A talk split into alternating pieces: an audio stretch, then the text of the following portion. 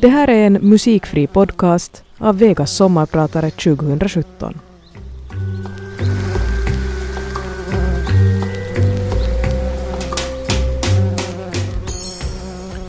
Jag har skrivit på alla pengar i Sverige och det är ganska konstigt när man är hemma ifrån Sydösterbotten. Först ville jag bli lokförare, långdistanslöpare och journalist. Istället så blev jag chef för Sveriges riksbank. Och idag ska jag berätta om hur det kunde bli på det sättet. Vid det här laget så har jag länge sysslat med pengar, stora pengar och nästan alltid andras pengar. Jag ska berätta om den här resan genom livet och en del märkligt som har inträffat när jag har varit på väg. Men jag kommer också att prata om resor och resande i största allmänhet. Nu menar inte jag semesterresor, de har nästan alltid gått till Kristinestad, utan resor på olika håll i världen eftersom jag i mitt arbete av och till har jobbat i kanske 60 länder runt om på jordklotet. Min berättelse den är också ett exempel på hur det är att utvandra och vilka möjligheter utvandringen gav mig. Det här till skillnad från dagens konstiga diskussion om invandring. Tänk, tänk om någon hade sagt nej. Du får inte söka dig fram här i världen. Hej! Jag heter Stefan Ingves och jag är er sommarpratare idag. Eller som man säger på flyget. Sit back, relax and enjoy the ride. Luta er tillbaks, koppla av och ha det bra på åkturen. Ett mångskiftande yrkesliv har i mitt fall betytt att flyga och återigen flyga. Och då kan det vara lämpligt att börja med låten Living on a Jet Plane med Peter Paul and Mary.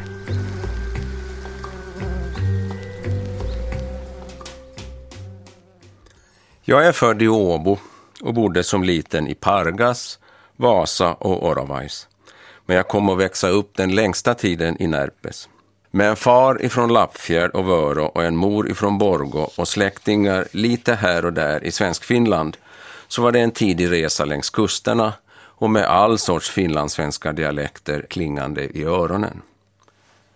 När jag var riktigt liten och bodde i Vasa, då brukade vi gå till bron över järnvägen vid järnvägsstation. Där så kunde man stå och kika rakt ner i skorstenen när ångloken spydde rök och ånga på väg mot Seinajoki. Det var en kraft och en dramatik som inte finns idag. Ett ånglok som slirar på rälsen är en sky av ånga, rök och gnistor på natten, mitt i vintern, när det är 20 grader kallt. Det är också någonting som etsar sig fast i minnet. Och så kunde det vara när vi åkte nattåg mellan Vasa och Helsingfors. I en tid som domineras av utflyttning, resor och tonårsuppväxt, då var busstationen en viktig hållplats av två helt olika skäl. Det var därifrån man tog sig ut i livet. Och som ett första steg, ja då var det med bussen till Vasa, Helsingfors, men framför allt med båtbussen till Åbo. Det var också där som det fanns en jukebox som spelade konstig, obegriplig musik på engelska. Men det lät häftigt. Bussarna, ja de var också helt andra än vad de är idag. Dieselångorna läckte in i bussen. Gubbarna rökte papirosser av märkena Tömes och Fenja 2. Och sätena var dammiga och aldrig tvättade. Och vägarna, ja de var mycket krokigare än idag. I en sån resemiljö, då lärde jag mig ganska fort, fast det är krånglig grammatik, betydelsen av påståendet. Kvarlämna, icke använd påse i bussen. Det lärde jag mig på finska. Älkä jättäkö och så vidare. Och det var någonting att fokusera på när man inte mådde så bra och hoppades att man skulle klara nästa krök innan det var dags att följa uppmaningen på påsen. Busstationen och Nils korvkiosk alldeles bredvid var också viktiga platser när utvandrarna kom hem från långt bort i stanländer. Där kunde man visa upp sig, äta lördagskorv med hemgjord senap, för det här var ju före hamburgarnas tid, och man kunde köra runt, runt, runt med en Volvo Amazon, eller kanske till och med med en amerikanare som man skeppat på båt hem från USA. Och oberoende av hur man nu hade det over there framstod USA som ett närmast mytiskt ställe och begrepp som amerikanare, stryklord, raggarbil och Cadillac blev nästan ett och samma.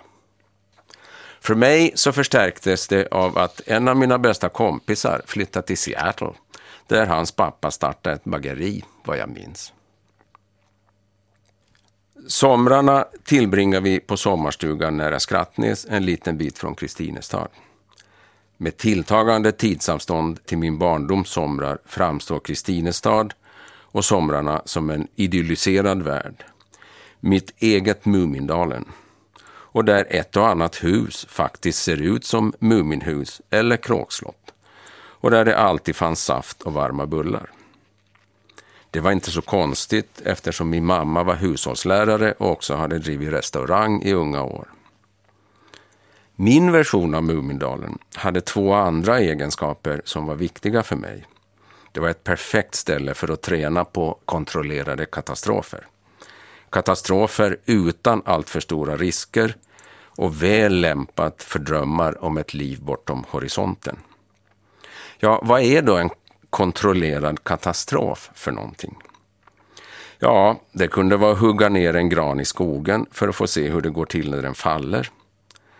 Att stå med brorsan och en stor borduk uppspänd nere vid stranden i den första höststormen för att testa om vi eller om duken skulle blåsa bort. Eller att segla i hård vind tills vattnet rinner in på läsidan i den öppna Göteborgsekan. Och för att inte tala om alla otaliga stenar vi lyckades segla på och sen krångla oss av.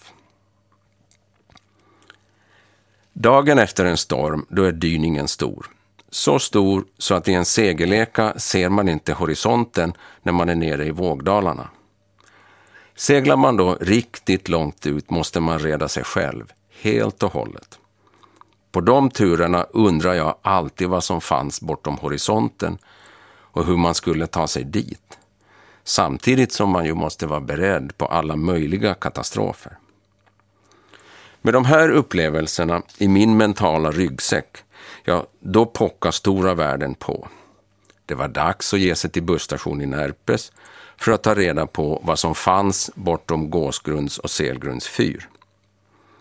Men innan det är dags att ge sig iväg så är det också dags att lägga en sista 20 penny i jukeboxen och fånga tidsandan med Hepstars och Cadillac. Jag förstod inte ett ord för jag kunde ju ingen engelska. Men det lät bra.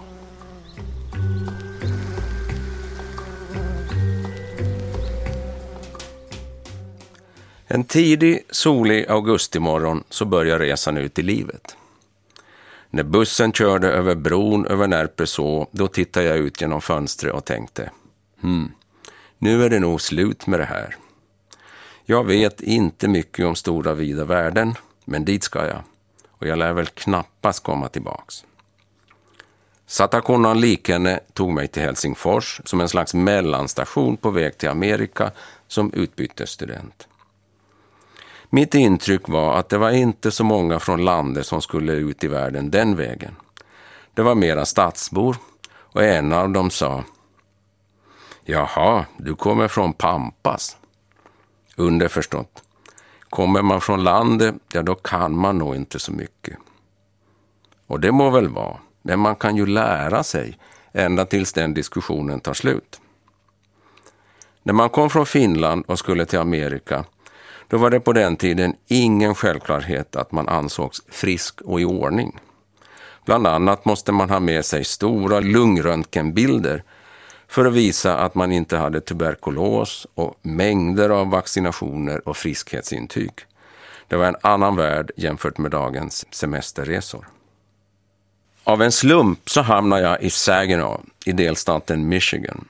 Saginaw ligger ungefär 160 kilometer norr om Detroit. Det är en stad som inte är känd för någonting. Men namnet finns med i en gammal countrysång och grannstaden alldeles bredvid heter Bay City. Och det är Madonnas hemstad. På den tiden så var stan omgiven av majsodlingar och bildelsfabriker som numera har lagts ner. Precis som på många håll i Sverige och Finland har strukturomvandlingen och globaliseringen gjort sitt. Och jag gissar att det dåtida Saginaw såg ut ungefär som många Trump-väljare föreställer sig att USA ska vara. Det vill säga som före den stora strukturomvandlingens tid. För mig var det en helt ny värld där brevlådorna, brandposterna och många hus såg ut ungefär som i Kalle Anka. Där fanns det också märkvärdigheter som McDonalds, Burger King och Kentucky Fried Chicken. Och man drack svagt ljummet kaffe till huvudrätten. Konstigt. Det var också första gången som jag fick uppleva riktigt fuktig sommarhetta. Baseball och mörka kvällar med cikador som låter på natten. Precis som i gamla västernfilmer. Där gick jag i high school med tre års mellanskole-engelska i bagaget. Dag ett så var det mesta helt obegripligt och jag undrade hur det skulle gå. För att få ordning på språket så köpte jag Websters synonymordbok och började med Adobe Hut som kom tidigt i alfabetet och som betyder lerhydda. Man kan kalla det här för gör det själv-metoden. Sen var det bara att traggla och traggla timme efter timme tills det lossnade. Att översätta från engelska till svenska hade tagit alldeles för lång tid. Jag lärde mig engelska nästan utan kunskap i grammatik, medan jag i Finland lärde mig knackig finska, men jag kunde en massa grammatik. Jag lärde mig också skriva maskin utan å, ä och ö, och det har jag haft stor nytta av i dataåldern. Efter ett tag så läste jag både journalistik och retorik. Bra ämnen senare i yrkeslivet, men som inte alls förekom i den finländska skolan. Skolan som jag gick i var som man säger i USA på fel sida av järnvägen. Med många elever med spansktalande bakgrund eller afroamerikaner. För mig var det mycket lärorikt. Jag var en av de få vita i löparlaget och särskilt när vi åkte med buss till tävlingarna på olika håll i Michigan. Oj, vilket drag det var i bussen. Och vad annorlunda det var jämfört med att träna i IF Kraft. Tävlingskulturen var också en helt annan. När jag sprang 1500 meter, ja då gallskrek tränaren.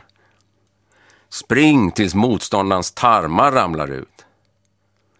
Men varför skulle jag göra det? Jag var ju van att mala på ensam i mörkret, kylan och snöslasket på väg ut till riksåttan. Att träna löpning var framförallt en kamp med mig själv. Och om jag sen kunde springa förbi en och annan, ja då var det ju inte fel i sig, men som sagt, ett helt annat sätt att tänka. Samtidigt så var det en nyttig lärdom. Om man vill förstå hur världen fungerar, ja då är det viktigt att försöka förstå hur andra tänker. Jag hann också med en hel del resande. Bland annat så besökte jag min farmors bror i Worcester i Massachusetts. Han hade flyttat till USA i unga år och skapat ett nytt liv där. Från baksidan av huset såg man åkrar och ängar med rådjur och i arbetsrummet så fanns en gammal fiol och en tavla av lappfjärdskyrka. Han hade skapat sig sitt eget lappfjärd over there. På julafton 1970, tidigt på morgonen, i mörker, snö och kyla, så gav vi oss iväg i en gammal Chevy Impala mot St. Petersburg i Florida. Bilen var precis den sortens stryklod som man kunde styla med runt busstationen i Närpes på den tiden. Enkel resa så är det 2000 kilometer. På julaftonskvällen satt vi åt hamburgare på ett McDonalds någonstans i närheten av Atlanta i Georgia. Det kändes helt rätt. Jag gillar helt enkelt att vara någon annanstans. Ett sätt att påminna om den här upplevelsen var att spela den samtida låten I was born under a wandering star. Jag föddes under en vandrande stjärna. Låten fångar till en del hur det kändes. Alternativet hade varit att spela i wanna go home, nu reser jag hem, Men så kändes det inte och på den vägen är det.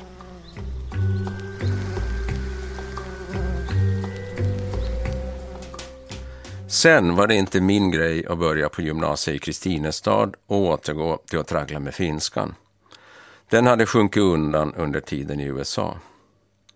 Men mycket viktigare var nog att jag hade fått smak på vida världen och ville fortsätta i den riktningen. Sagt och gjort.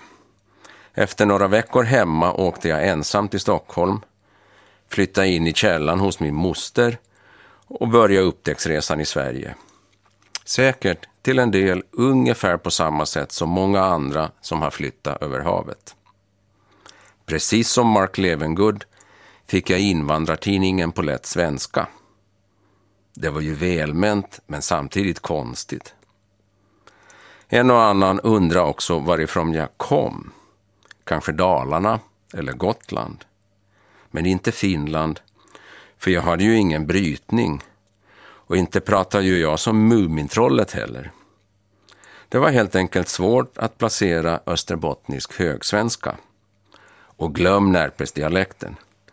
Den, ja den uppfattades ju som ett helt annat språk. Med stort fokus på studier läste jag in gymnasiet på två år och tog mig sen in på Handelshögskolan i Stockholm.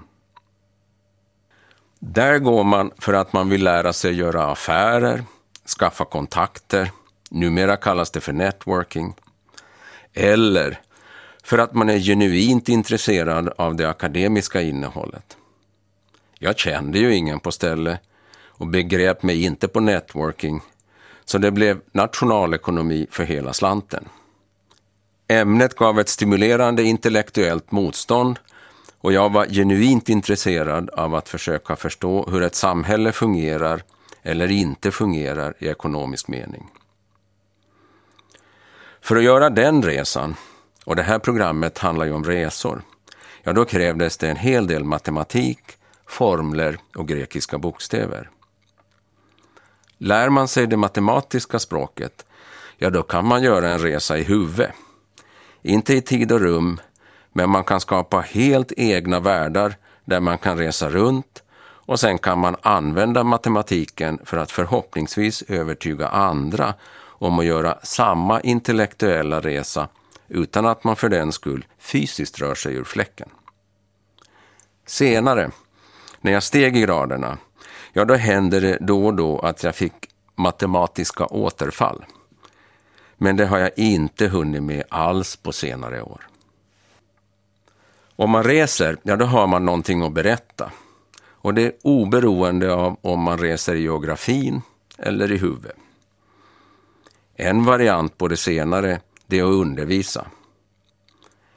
Min start på den resan blev ganska speciell. En av lärarna hade tappat rösten och det behövdes en ersättare.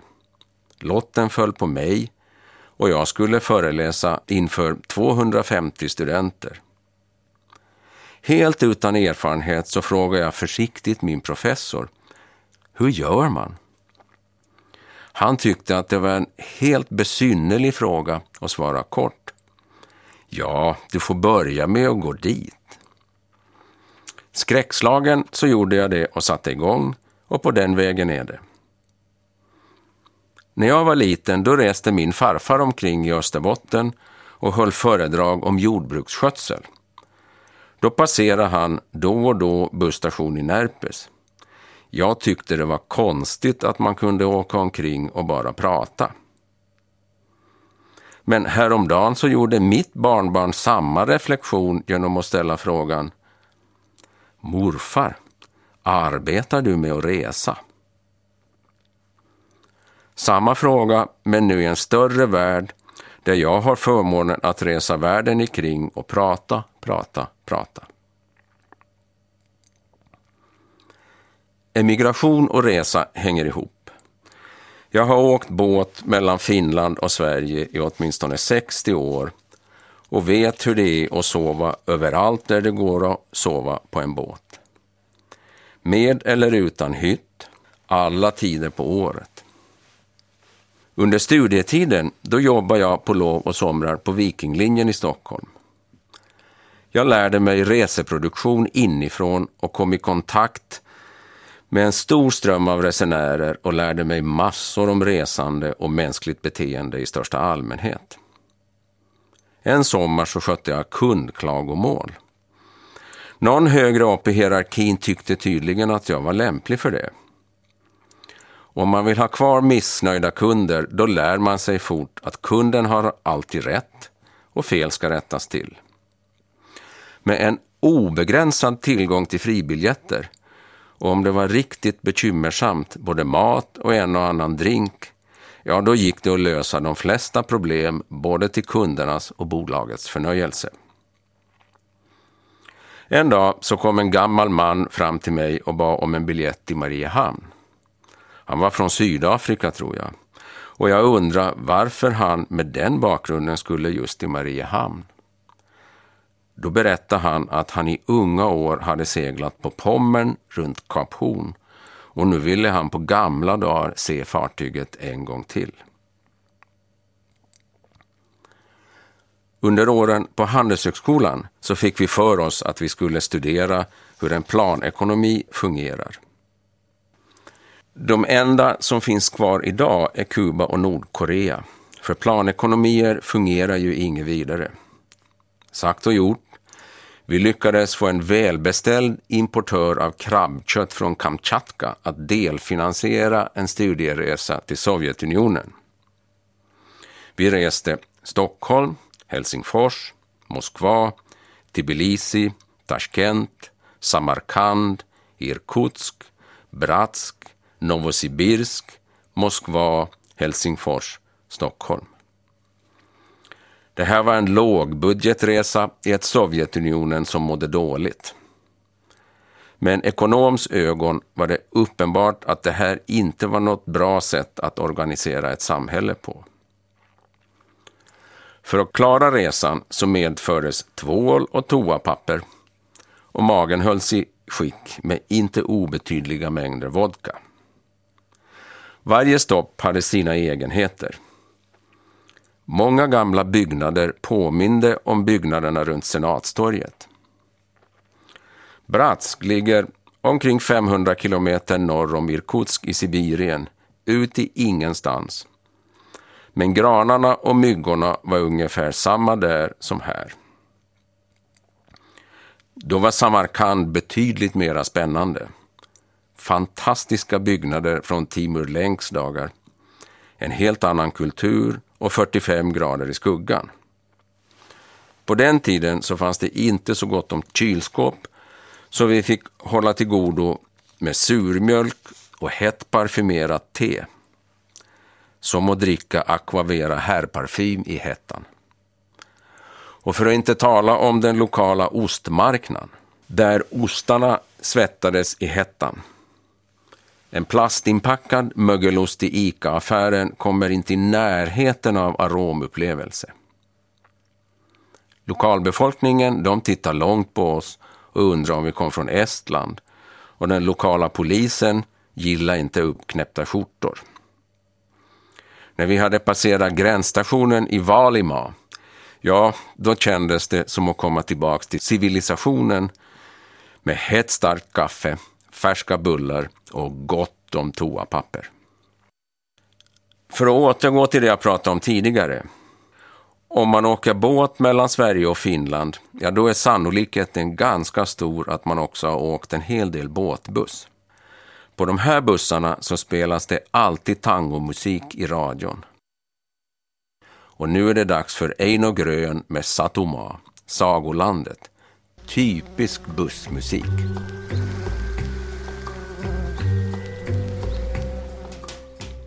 Jag heter Stefan Ingves och jag är din sommarpratare idag. 80-talet i Sverige karaktäriserades av alla möjliga bekymmer i den ekonomiska politiken. Inte helt olikt samma period i Finland. Allt slutade med en jätteskräll i början av 90-talet med en bankkris av en omfattning som ingen hade varit med om tidigare. När jag började på bank under semesterperioden, då visste nästan ingen att jag skulle komma. Jag fick ett kontor på vinden och fiskade upp en oanvänd skrivmaskin. Med den teknologi som fanns tillgänglig på den tiden, då föll det på min lott att under några år arbeta som en slags finansmarknadens uppfinnarjocke.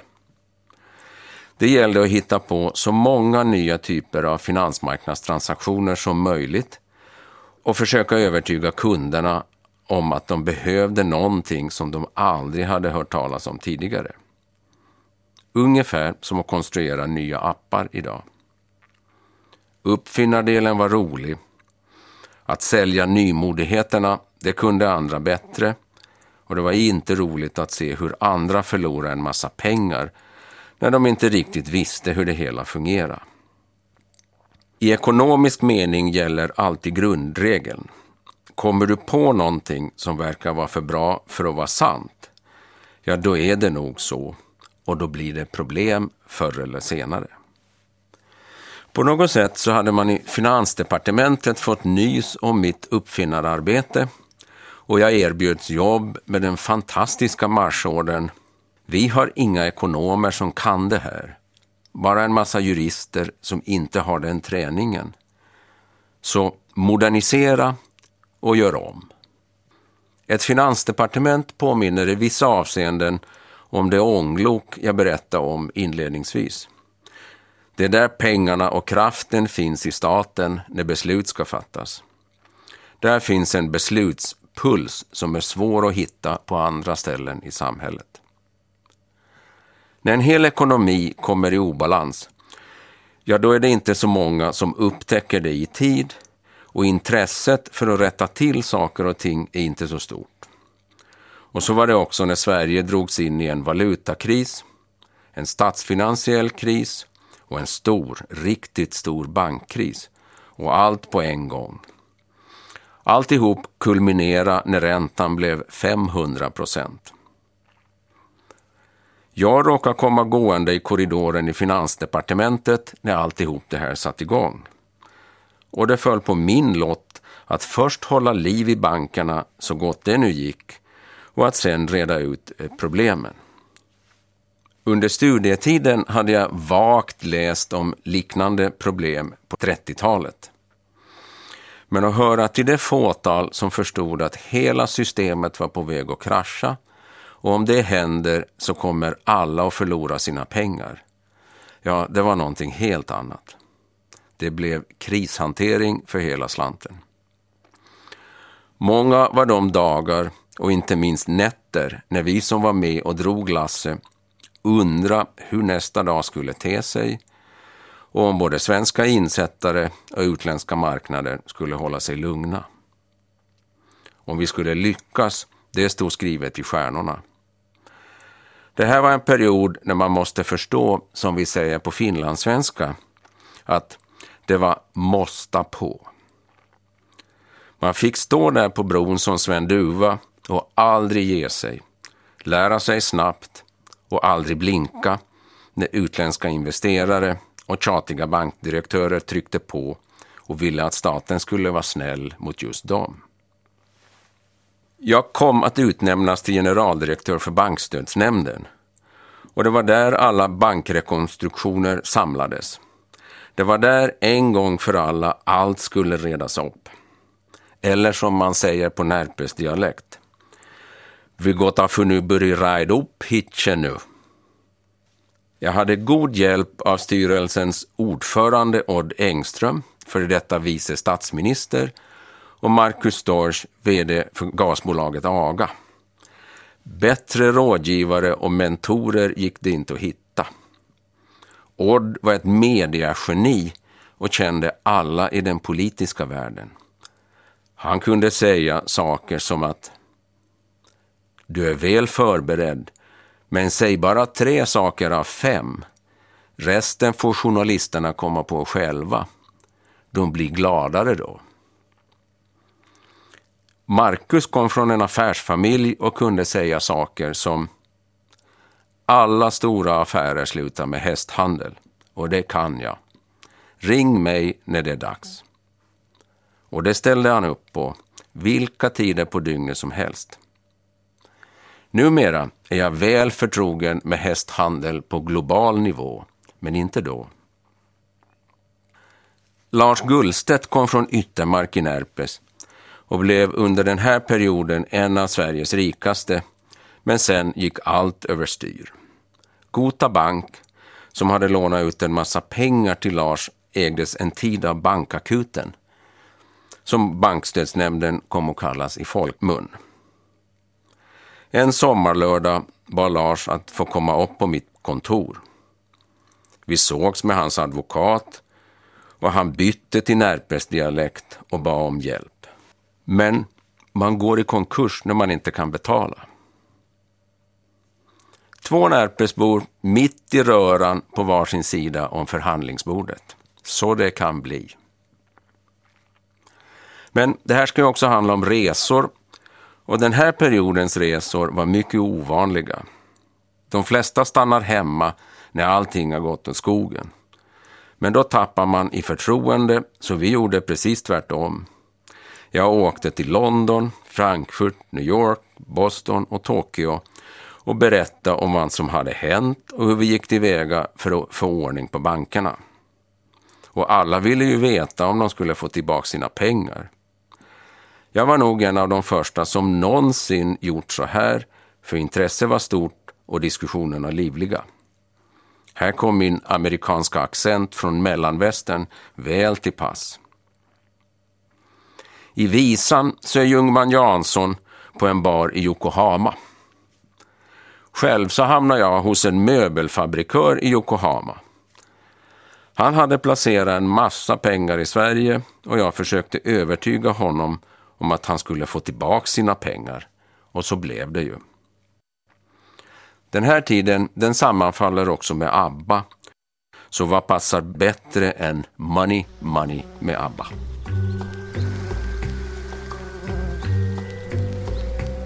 En dag så kände både Odd, Marcus och jag att bankkrisen höll på att ebba ut.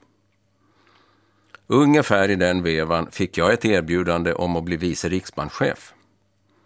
Det var som att få ett erbjudande om att bli lokförare när man tidigare bara hade kört Märklintåg hemma i vardagsrummet.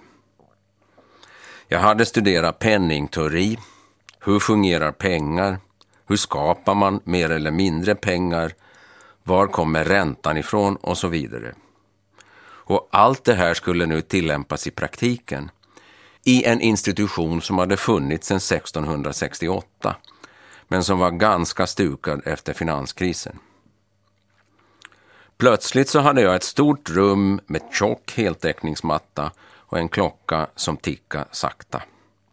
Tempot var ett helt annat än under krishanteringen. Och det tog ett tag att gå ner i varv. Med jobbet så följde regelbundna resor till Basel, Frankfurt och Washington. Och resa, ja det måste man, för det finns ju bara en centralbank i varje land och inte egentligen några kollegor att prata med hemma. Men lugnet, det varar inte så länge. När Hongkong hade upphört att vara brittisk koloni, då höll Internationella valutafonden sitt årsmöte där. På hästkapplöpningsbanan så kom helsingforsan Kalle Lindgren som i unga år hade börjat arbeta för IMF fram till mig och berätta att Thailand var på väg in i en ekonomisk kris.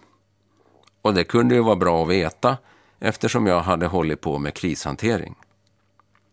Själv var han på väg till Bangkok för att börja att ta itu med problemen. Kort efter det så var Korea, Indonesien och Malaysia raskt på väg in i en ekonomisk oreda som de aldrig hade upplevt tidigare.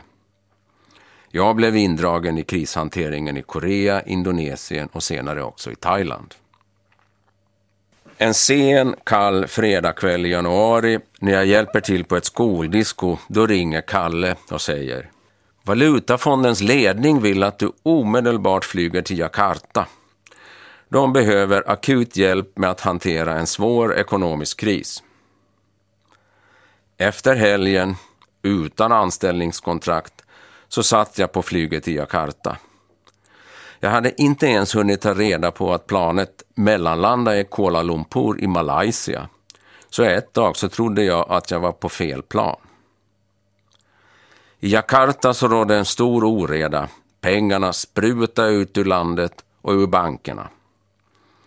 Indonesien är ett land med 200 miljoner invånare och många fattiga. Så det var angeläget att ekonomin inte kraschade helt och hållet. Utan formell beslutsrätt om någonting så ställdes jag inför ett val. Antingen åka hem igen eller ta i så mycket jag överhuvudtaget förmådde för att få styrfart. Snacka om katastrof. Jag var med hos diktatorn Suharto när han skrev på den lagstiftning som behövdes för att sätta den indonesiska bankakuten i sjön. På presskonferensen så hade vi förberett finansministern och centralbankschefen med talepunkter så att de skulle kunna förklara vad som nu skulle ske. De hade svårt att hantera det hela, så hux flux så bad de mig komma upp på podiet och sköta presskonferensen. Helt verklighetsfrämmande, som att landa på månen. Men vi fick det att lugna ner sig. Och efteråt så har det sagts mig att när vi lyckades med det, då fanns det bara en dags lager med kontanter kvar i valven. Och de pengarna, de kom faktiskt ifrån Tumba bruk utanför Stockholm. Efter krishantering i Korea och Indonesien och allt mindre svensk penningpolitik ringde de en dag från IMF och erbjöd mig att bli chef för en stor avdelning som sköter finansmarknadsfrågor i hela världen. Det var en helt ny och mycket spännande värld. Jag hade anställda från omkring 50 länder. Det var ett myller av kulturer och olika uppfattningar om hur man arbetar. Om jag överdriver lite så kan man säga att om man är chef i Sverige. Om jag överdriver lite kan man säga att om man som chef i Sverige måste behärska att delta i ett evigt grupparbete så gällde det här att peka med hela handen. Annars blev ingenting gjort. Medarbetarna arbetar i uppemot hundra länder varje år och den ena krisen följde på den andra. Jag kom att tillhöra The Men in Black, männen i svart. De som flyger in från Washington och som man måste förhandla med om man vill låna pengar. Bland annat så höll vi på nästan en hel natt i Ankara innan allt löste sig och vi kunde dricka starkt turkiskt kaffe med premiärministern. Allt var inte ren krishantering. Mycket arbete bestod också i att mera långsiktigt hjälpa länder att få ordning på sin ekonomi så att levnadsstandarden skulle stiga. I många sådana fall så konfronterades vi med både fattigdom, elände och ondska. Den etniska rensningen som hade förekommit i Bosnien gav minnen för livet. I Kosovo så hade serberna förstört betalningssystemet och det enda som fanns för att sköta betalningar var kontanter. IMF var ansvarig för att sköta den verksamheten. I praktiken så var det ett stort valv fullt med pengar. Valvet vaktades av tidigare nepalesiska gurkasoldater. De stod på rad och gjorde honör när jag var på besök. Jag hade en egen liten armé i Kosovo. Att driva en verksamhet på global nivå kräver en hel del resande. Ja, det är nästan mest fråga om hur mycket man orkar resa.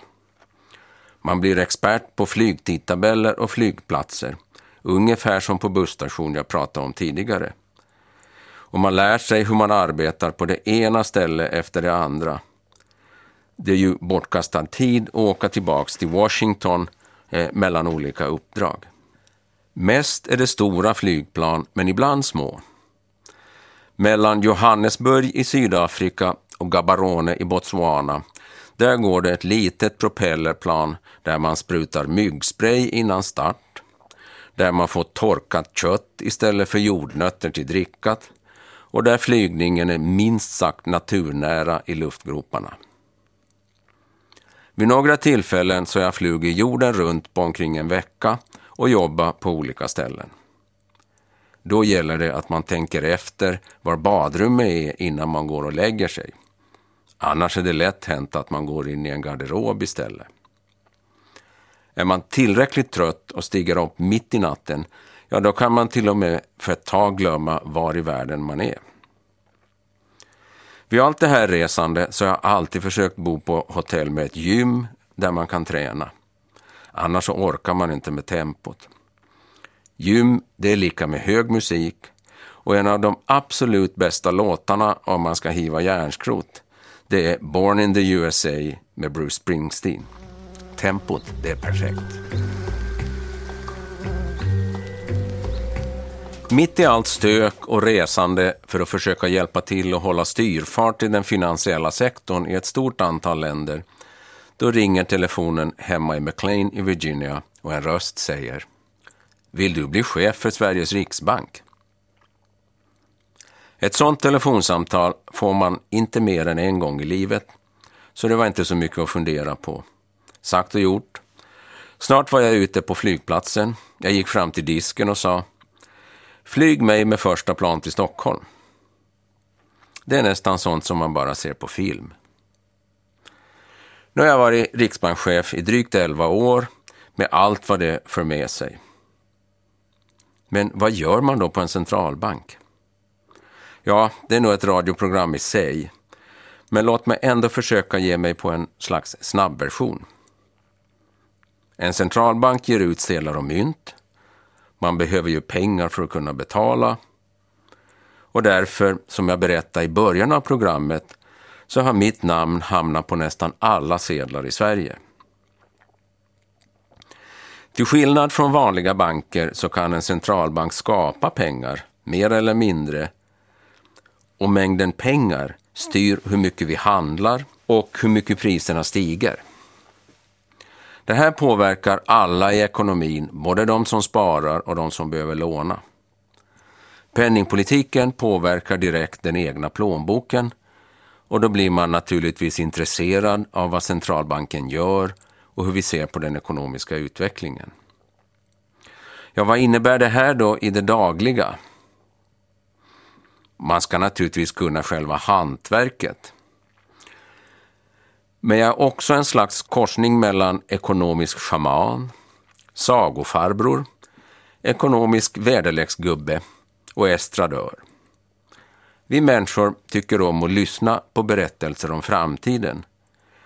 Och mitt jobb består i att skapa och framföra berättelser så att alla förstår.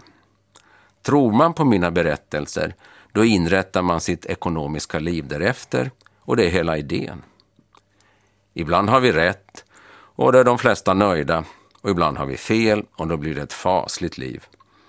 Då får man stå där i mediabruset, kanske justera penningpolitiken en del och sjunga samma visa om och om igen. Innehållet i det som sägs ska vara densamma, men publiken varierar. Ibland så har jag 30 sekunder till mitt förfogande och ibland 30 minuter och helst ska alla förstå huvuddragen i argumenten. En samling studenter i sig Sundsvall är någonting helt annat än professionella placerare i New York. Precis som i andra jobb som handlar om beslutsfattande har många runt om synpunkter på vad som borde ha gjorts, men det är färre som vill vara med när det är allvar, dörren stängs och ingen släpps ut innan beslut är fattade. Och eftersom allt handlar om framtiden är det inte möjligt att förrän först långt senare veta vad som är rätt eller fel. Det är som när Närpes Kraft spelar. Många på läktaren har synpunkter på hur man ska lägga en straff. Och det är särskilt efter matchen. När jag började det här programmet då berättade jag om Kristinestad som mitt Mumindalen med drömmar om att få uppleva vad som finns bortom horisonten. Dit återvänder jag på somrarna, men nu vet jag vad som finns bortom horisonten. Jag har ju haft förmånen att ta reda på det under min resa genom livet. Eller, för att låna av Karin Boye, det är vägen som är mödan värd. Och så fortsätter det. Om ni ser en gubbe som trampar på en tävlingscykel i motvind och uppförsbacke på riksåttan mellan Närpes och Lappfjärd. Ja, då är det kanske jag. Resan hade inte varit möjlig utan min hustru Devora. I år har vi stretat på tillsammans i vått och torrt i 40 år. En som sjunger om en sån resa och som påminner om österbottnisk dansmusik från min tid är Gunnar Wiklund i Vi ska gå hand i hand. Jag heter Stefan Ingves och jag har varit er sommarpratare idag. Tack för att ni har lyssnat och en fortsatt bra sommardag. Yle Vega. Är Yle Vega.